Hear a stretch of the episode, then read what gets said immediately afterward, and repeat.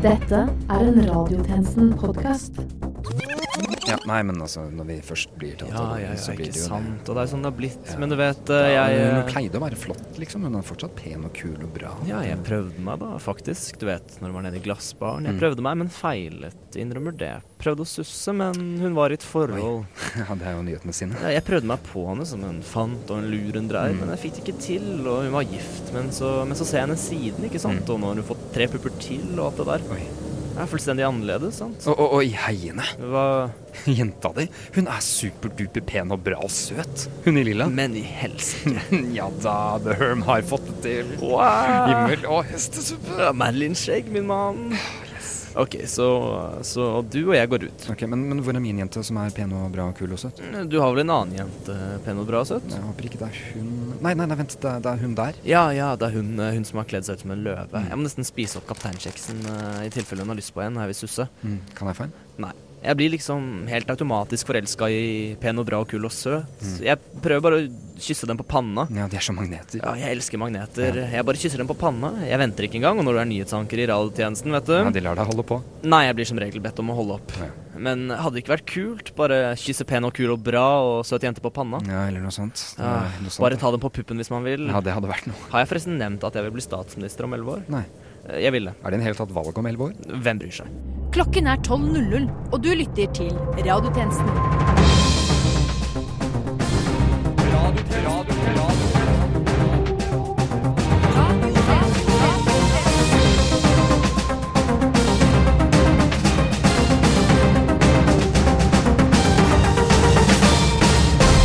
Velkommen til denne ukens radiotjenesten. Dette er Nytt under solen. Republikanske abortmotstandere har fått nok av Trump etter utspillet hans om å føle et eierskap over kvinnekroppen. Den norske Nobelkomiteen vurderte lenge å gi årets fredspris til noen som har startet og holdt krigsprosjekter gående i lang tid. Det har skjedd tidligere i fredsprisens eh, historie. Og PST slår full alarm. Mojeldeen Mohammed har rømt hjemmefra.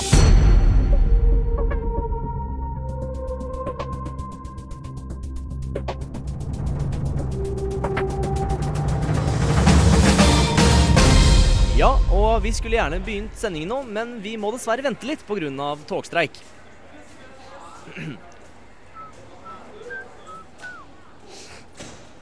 Skulle sannsynligvis dratt hjemmefra tidligere.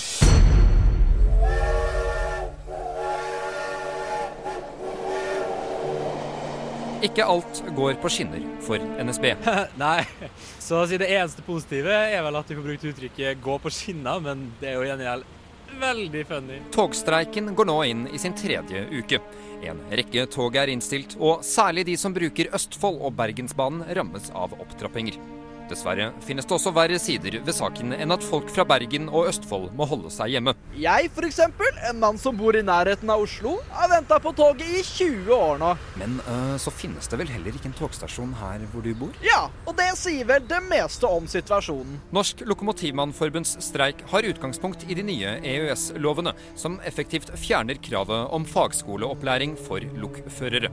Det ønsker altså NLF å gjøre noe med. Bedre opplæring. Altså, før toget fra punkt A til punkt B.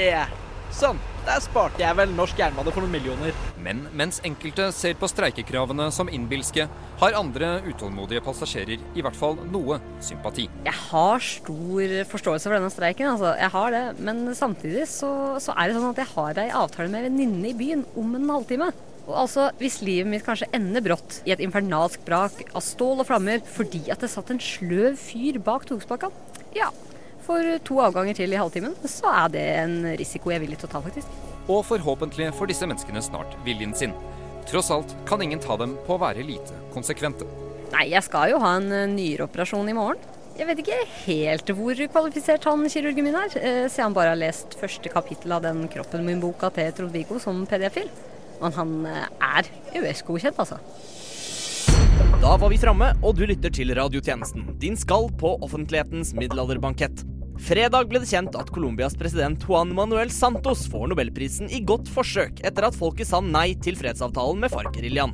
Dette er selvfølgelig også en norsk seier, for under fredsforhandlingene sto Børge Brende og klappet på sidelinjen. Og også i år var det norske Kasi Kullmann Five som fortalte hvem som hadde vunnet. I tillegg ble selve prisen innstiftet av en mann fra Sverige. Et land som tidligere var i union med Norge. Men eh, tjenestemann Nærum, eh, du er i Colombia nå. Hvordan reagerer folk på nyheten der? Nei, som du hører, feires det her i gatene i eh, Bogota. Kan, kan du høre det, eller? Børge Brende! Børge Brende! roper de. Jeg klarer ikke helt å fange det opp. Nei, de sier det jo selvsagt på spansk. Det er et godt poeng. Roper de noe mer? Ja, De har vel noe av et mer generelt jubelbrus gående akkurat nå. Eh, slik jeg forstår det, skal bruset formidle en slags takknemlighet overfor nordmenn som har hjulpet til med diplomatiske råd gjennom eh, forhandlingene. Ja vel. Og selvfølgelig en takknemlighet overfor meg, som nå rapporterer om dette. Gratulerer med den. Men alt dette selv om det ikke har blitt fred ennå? Hysj! De kan høre deg. Hva mener du Ok, med Så det kan hende jeg kom til UL for å fortelle en hel colombiansk folkemasse at det endelig har jo blitt fred. Christian? Ja, altså, Hvordan skal de ellers lære seg å bli vant til det? Dette må jo sies å bryte med god presseetikk. Jo, men så er jeg jo i Colombia. Og da må du være en lyvende journalist. Klart. Jeg har tross alt sett på Narkos. Dø! Situasjonen i Colombia er fremdeles veldig spennende, og kommentator Eh, nei, jeg er kommentator. Uh, kommentator, ja visst, beklager. Nå som folkeavstemningen resulterte i et nei til en fredsavtale, vil det nå bli signert en avtale om borgerkrig istedenfor? Tja, vi må ikke glemme at 38 av folket faktisk stemte. Det betyr at 62% heller valgte å være hjemme. Et eh, rungende tja til fred, altså. Det er riktig. Eh, Synes du det i så fall er rart at president Santos likevel mottar Nobels fredspris? Nå kan vi ikke bare glemme denne prisen først og fremst en oppmuntring til de som kan gjøre en bra ting for verdensfreden. Det var derfor Barack Obama fikk den som ny på jobben i 2009, og det er derfor Donald Trump er den som får den i 2017 hvis han er litt game og trekker seg fra valget. Takk til deg, kommentator. Mm, kommentator, mener du? Eh, kommentator. S eh, sorry. Den femte statsmakt. Radiotjenesten. Men neste års fredspris går nok ikke til Donald Trump, for radiotjenesten har allerede fått vite at den går til noen andre. Man kan si det har vært turbulent opp gjennom årene, ja. Mange knuste paddehatter. De der eh, sopphusene de bor i. Mange knuste fremtider. Siden 1958 har det vært full strid mellom de blå smurfene og trollmannen Gargamel. Det har ikke vært fordi jeg hater dem, men fordi de kan omgjøres til en eliksir som forvandler stoffer til gull. Hard økonomi og alt det der.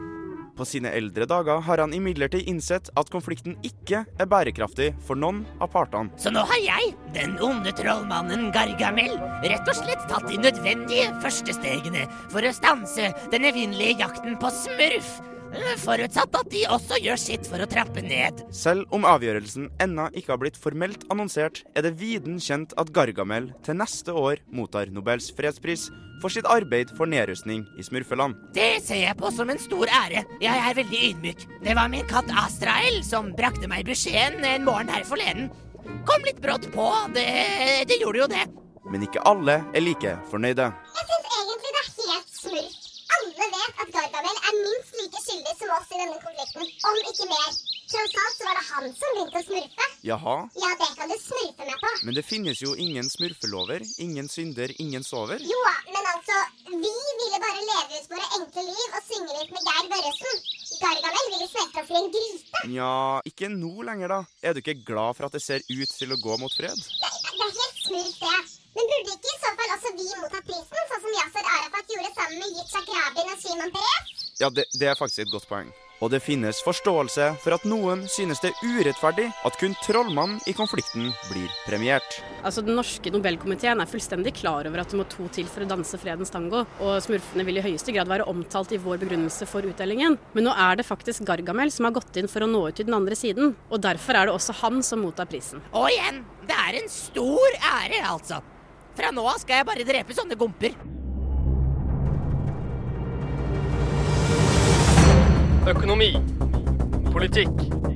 Krig. Fred. Sånn. Senere i sendingen skal vi høre at Bob Dylan har vunnet Nobels fredspris i Vidar Kvalshaug. Vi må advare om at neste reportasje er mest for gutta. Star, you.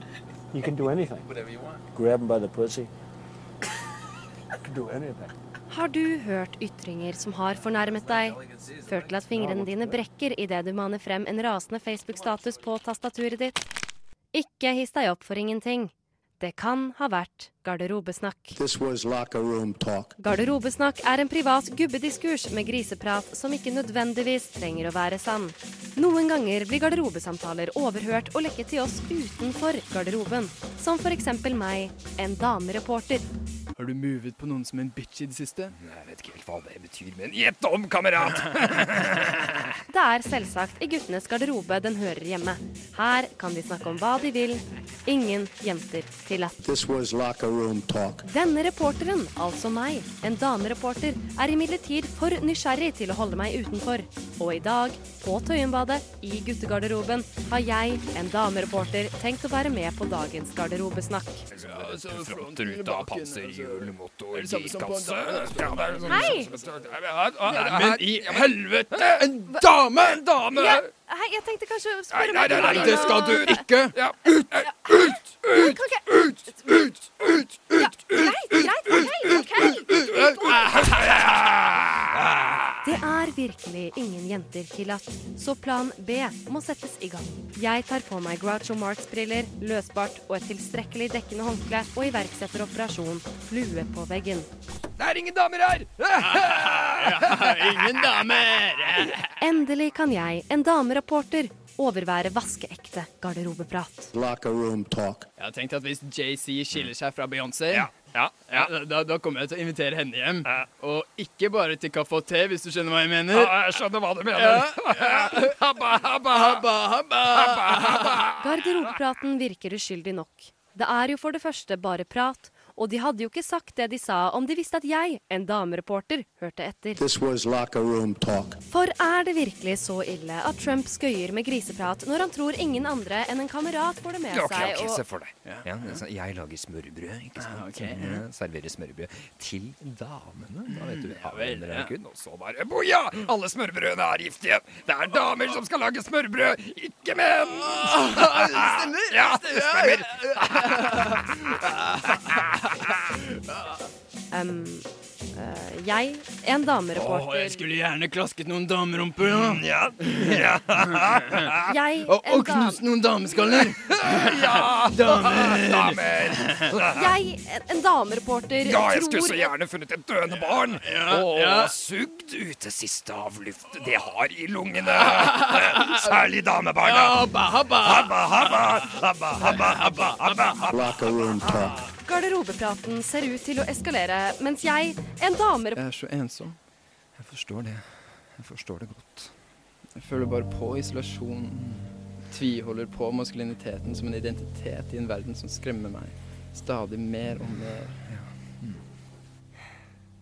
Vel, er det jeg hadde sagt til en dame for å vinne hennes tillit, for jeg bedøver henne med kloroform og tapper kroppen hennes metodisk for blod, for jeg flår henne og bruker huden som en onepiece!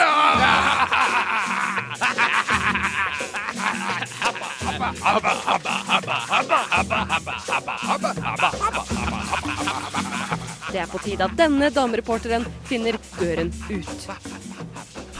This was locker room talk. Vi har nettopp fått inn en melding om at Per-Mathias Høgmos ene arm blir spist av en geit. Landslagstreneren ønsker imidlertid å fokusere på at han har en hel arm igjen, noe som gir han en god boost før den større geiteflokken som er på vei, begynner å snuse på kroppen hans, de også. Mer om dette siden. Men nå noe annet. Her i Seoul står jeg, en reporter, midt i bombeinfernoet. Eksplosjonene smeller rundt meg, og folk er panisk. Oi, oi, oi! Der eksploderte enda en rett ved meg. Kroppsdeler ligger strødd rundt her nå. Det her ser ikke bra ut. Ja, etter at Samsung slapp nyheten om at deres Galaxy Note 7 har en særdeles høy risiko for å eksplodere, har flere storbyer, som bl.a. Seoul, blitt forvandla til en krigssone. Vel, det er jo teknisk sett ikke krig her, men det kunne sett sånn ut, da, i det minste.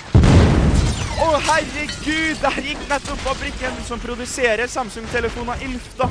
Det er fullt kaos her nå, og folk har begynt å evakuere byen. Jeg har ennå ingen tall på omkomne, men jeg, jeg kan sjekke på internett via min Samsung Galaxy Note S. Hva er det dere driver med? Lærer om kroppen. Nei, vi prøver en gang til. Hva er det du driver med? Hører på Å forklare en vits er som å dissekere en frosk. Mamma blir sint fordi jeg oppbevarer unormalt mange døde frosker under sofaen i kjellerstua. Dette melder en mann på 30. Vi fortsetter på vår side med det ramme alvor, så følg med videre i sendingen, for da er blant annet dette nytt under solen. For å ha rettet søkelyset mot viktige saker i årevis gir den norske Nobelkomiteen Nobels fredspris til seg selv. Amerikanere omfavner en artig tjukkas i rød genser i desperat forsøk på å distrahere seg selv fra presidentvalget. Og PST slår alarm igjen. Også Kristian Valen har nå rømt hjemmefra.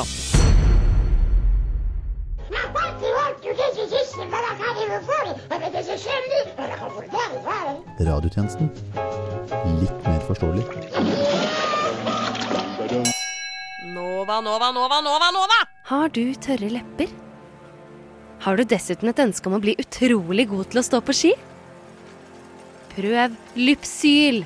Med hudvennlige ingredienser pleier Lypsyl tørre lepper og gir deg dessuten evnen til å gjennomføre samt vinne et profesjonelt langrennsløp på 30 km. Lypsyl gir leppene dine god beskyttelse mot vær og vind, og fungerer dessuten som en substitutt for en sommer med styrketrening på Kvitfjell, og gjør deg klar for både tremil, duatlon og individuell start. Lypsyl er hele Norges favorittleppepomade og inneholder bl.a. parafinum liquidum, cera alba, citronellol, geraniol, BHT og magisk muskelsaus. Men alt dette er selvsagt vår lille hemmelighet. Styrke. Tempo. Utholdenhet. Lypsyl. Radio Nova går i lufta! Etter den andre amerikanske presidentdebatten hevdes det at vi lever i en postfaktuell virkelighet. Men dette kan selvfølgelig vise seg å være en løgn. Velkommen tilbake til radiotjenesten. Mitt navn er fortsatt Herman Arneberg Johnsen, og nå et dødsfall som gjør at det thailandske kongehuset går en usikker framtid i møte. Tjenestemann Sikko har mer.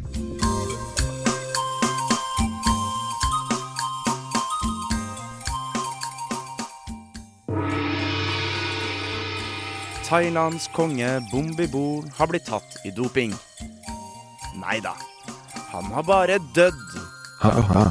Men det er jo litt ironisk at navnet hans, Bombibol, høres ut som noe som kunne ha vært navnet på et ulovlig reseptbelagt legemiddel.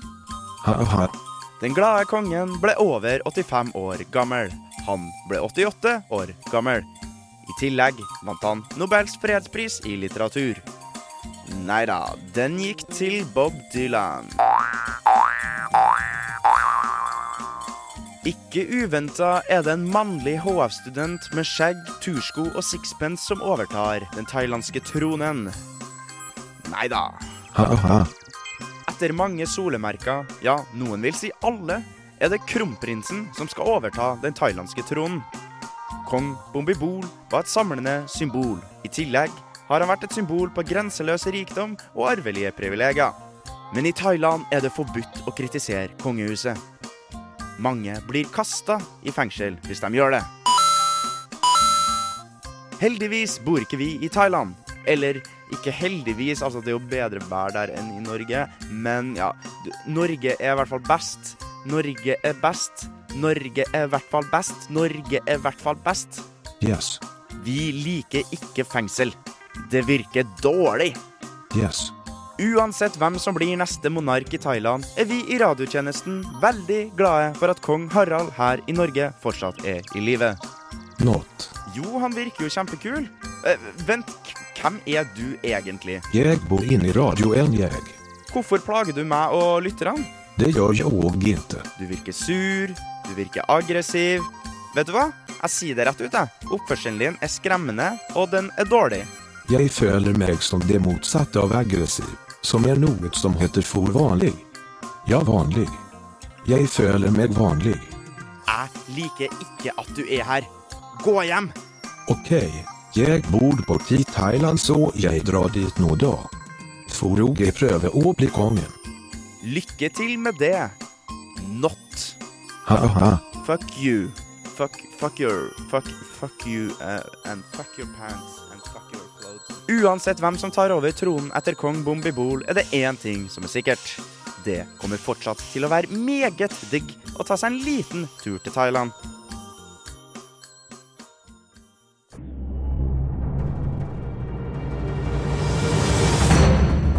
Ny dag, ny sak, nytt syn, nye nyheter. La meg bare si at jeg har ingenting imot middelmådige folk. Jeg liker bare andre litt bedre. Og det er derfor vi har valgt å kutte på det svakeste leddet i samfunnet. Fordi bedre folk bidrar mer. Det skal lønne seg å jobbe, er det en del som hevder. Den naturlige forlengelsen av denne replikken er at du skal være bra sjuk i huet hvis du velger å bli sykemeldt. Statsbudsjettet kutter i støtte for multihandikappede, uføre og kronisk syke. Landets rikeste får derimot skattelettelser. Hei, hei, hei. Nå er du vel litt fordomsfull her. Det er jo ingenting som tilsier at man ikke kan være multihandikappet, ufør, kronisk syk og rik. Det sier en representant fra finanskomiteen som er kronisk sykt fornøyd med budsjettet. Og jeg er blitt litt lammet av hvor bra budsjettet er. Heldigvis kan jeg betale egenandelen for når jeg har vært hos fysioterapeuten. Nå som de har orket å lese dette, raser opposisjonen mot budsjettet. Det er jo forkastelig. Ikke at vi hadde endra på noe, for så vidt, men vi ville i det minste hatt dårlig samvittighet etterpå. Nei, nei, nei. Nå feilinformerer du Radio Novas fire lyttere og bommer med kritikken. Vi får ikke dårlig samvittighet. Og nå skal du høre grunnen. Vi vil jo ikke at noen skal ha det verre. Vi vil bare at noen skal ha det litt bedre. Det er mye mer enn det man kan si for Ap og SV i sin regjeringstid. De vil bare at alle skal ha det middelmådig, de. Hva er det med middelmådighet? Det vil alltid finnes en strid mellom stortingspartier, og folk vil alltid lide. Lenge leve demokratiet. Selv om de fleste rapporter har hevdet det, er ikke et moderat alkoholinntak sunt for deg, kommer det fram i en ny rapport fra Folkehelseinstituttet. Nå er det ikke gunstig for helsen med et par alkoholenheter i uken, snarere tvert imot, og Pst! Hei, sjef. Eh, bare en liten eh, oppdatering. eh, du vet jeg er midt i noe her? Jo da, men det har kommet en ny motstridende rapport. Eh, ja vel. Oppdatering. Et moderat inntak av alkohol er ikke dårlig for deg, og eh, de tidligere rapportene er dermed ikke riktige. Sjef, Ja, ny rapport. ja vel. Eh, inntak av alkohol i moderate mengder gjør naboen din Gunnar Hansen svært irritert på deg. Han hater alkohol, og han hater deg. Vent, hva er dette? Sjef, ny rapport. Ja vel. Eh, Alkohol kan være godt for deg så fremt du kun drikker annenhver tirsdag og hver tredje fredag i måneden. Hva er dette? Enda en rapport, sjef! Men i OK. eh, måtelig inntak av alkohol kan gjøre deg om til en liten, illeluktende sky som flyr av gårde og gjør vennene dine svært pinlig berørt. Men altså Rapportsjef! Uh, Ja vel! Et normalt alkoholkonsum kan gjøre blodet i årene dine om til vaniljesaus. Serveres med Freia jordbærgelé og kan danderes med friske skogsbær. mm, Freia gelé. Denne rapporten er sponset av Freia gelé.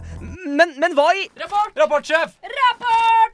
Enda en! Ny rapport! Sjef, uh, her har jeg en rapport. Jeg har fått en ny rapport, sjef. det er Det er rapporter. rapport. Enda en rapport. Rapport. Sannheten bak sannheten.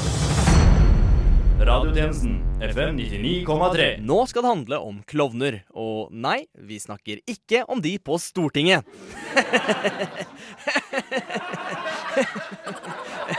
Men seriøst, det skal handle om klovner. Det meldes om flere og flere såkalte klovneangrep. Både i innland og utland blir mennesker forfulgt og angrepet av personer iført klovnekostymer. Det har resultert i en verdensomfattende frykt for klovner. Det er så trist. Det er så veldig trist. På et spisested på Grünerløkka møter jeg Pat Kongson, eller Genki som han foretrekker å bli kalt. Han ønsker å motbevise myten om at klovner er noe å være redd for. Jeg vil ikke drepe noen. Bare få dem til å le. Genki drar i en tråd som utløser en mekanisme festet til ryggen hans. Vann pøser ned fra et påmontert dusjhode over Genkis hode. Hvorfor tror du andre klovner velger å gjøre dette? Jeg har ingen anelse. Det gjør meg så sørgelig, og, og når jeg blir sørgelig, så blir jeg klumsete. Genkis tårer og snørr har nå samlet seg til en liten slimete vannpytt på gulvet. Skoen hans glipper taket, og Genki faller pladask på rumpa. Maken min! Å, jeg kan ikke gjøre noen ting riktig, jeg. Pass på, Genki! Du sitter rett på en haug av elektriske ledninger! Du snakker Jeg Om litt ankommer helsepersonell, og Genki får det tilsynet han trenger. Bak i ambulansen deler den triste klovnen og jeg et vakkert øyeblikk. Jeg tørker tårene til Genki med et lommetørkle og ser litt av ansiktsminken komme av. Hvorfor har du valgt dette livet, Genki? Det er ikke noe jeg har valgt. Det, det finnes ikke noe annet liv for meg. Du, du, du tenker kanskje at Pat Kongsson er den ekte meg? Ja, Men er det ikke det? Ikke for meg. Jeg har alltid vært, og kommer alltid til å være, Genki. Den triste klovnen. Genki snyter seg i nesen. Kraften av blåset dytter han i motsatt retning. Hodet hans smeller inn i veggen, og en kjempesprøyte faller ned fra hyllene. Rett ned i pannen til stakkars Genki. Åh, boy. Et dusin egg, takk. Etter kun et par minutter på Lovisenberg sykehus har det ankommet seks andre klovner. Dette er mine nærmeste venner og kolleger. Det er Rocket, Soso, Billy, Timbo, Siggy og Bonzo. Gutta, møt radiotjenesten. Dette er altså tjenestemann. Vi vet hvem du er! Du tenker sikkert vi er mordere hele gjengen, hæ? Gjør du ikke? Nei, Rocket, vær, vær, vær rolig nå. Vær så snill. Selv om vi er klovner, betyr ikke det at vi er onde. Oh, nei, nei, jeg, jeg vet det. Jeg og Genki har uh... Vi får vel bevise det, da! Hæ? Hvis det skal være sånn! Før jeg får rukket å ytre et ord, er de på vei inn i posisjon. Genki skrur på en CD-spiller og tar med seg Rocket inn i ringen. Når Rocket tramper Genki på høyrefoten, settes showet i gir. Genki skyter i været som en ballong det har gått hull på. Han blir nødt til å utløse en fallskjerm. Før jeg vet ordet av det, strømmer klovner inn fra høyre og venstre. Alle representerer forskjellige emosjoner. Bonzo er lykken, Timbo er kvalmen, Zozo er redselen, Billy er impulsiviteten, Ziggy er tapperheten. Det er som om alle klovnene blander seg sammen til et portrett av det å være menneske. Jeg blir grepet av alle de singulære hendelsene samtidig. Som en ren symfoni av sympati griper det meg, og jeg blir på en måte glad og trist på samme tid. Når Billy spiser en pai fylt med Timbos oppkast, klarer jeg ikke å holde det tilbake lenger.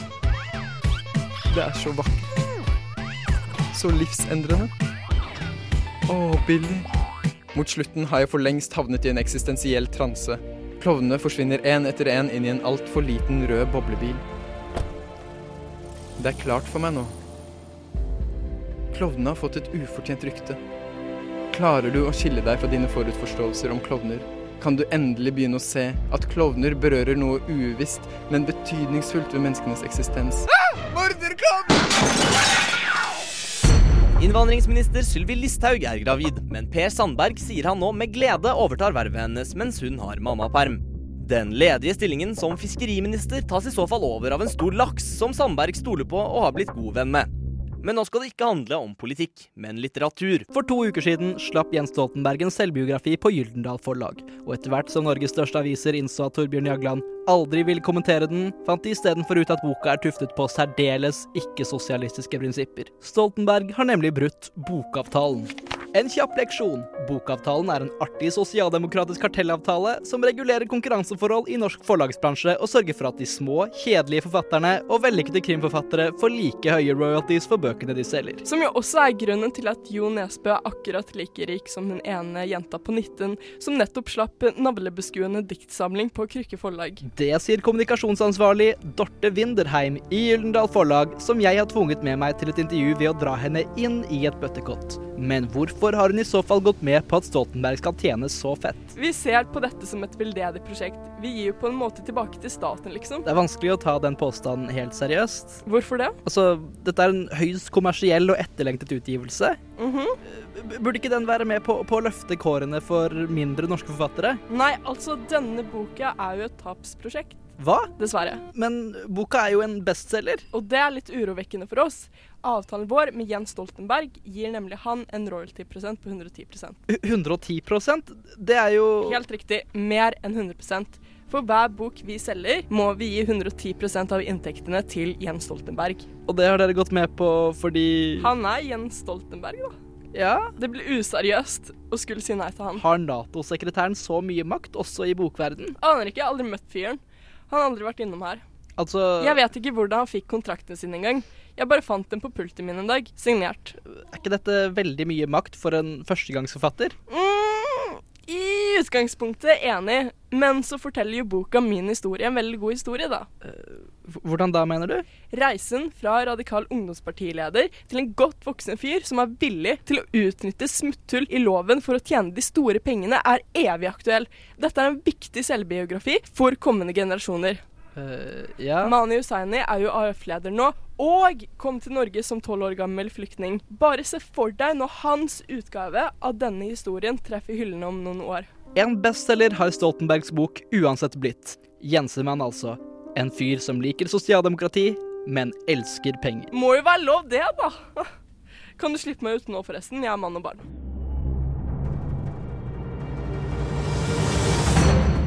Trykk sverte. Trykk sverte. Trykk sverte. Trykk sverte.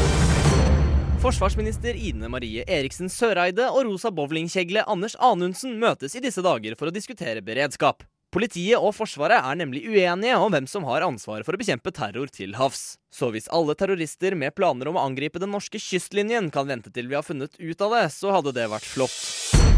Men klokken tikker, og med dette er radiotjenestens tilmålte tid forbi. Men før vi avslutter, skal vi til en reporter med fire enestående menn foran seg. Men bare tre roser. Krump, dump, sopp, sopp, lomp. Det har vært en helt fantastisk uke. Jeg har blitt ordentlig glad i dere alle sammen. Men nå er nødt til å ta et valg. Få med deg den spennende fortsettelsen i neste ukes program. Men du finner oss som alltid på Facebook, Twitter, Instagram, LinkedIn, Soundcloud, iTunes og i beredskapstroppen til Forsvaret til enhver tid masende på sjefsoperatøren om at vi må stoppe panservogna på neste bensinstasjon, sånn at vi kan gå på do igjen. Dette har vært Herman Arneberg Johnsen for radiotjenesten. Til neste gang, We News.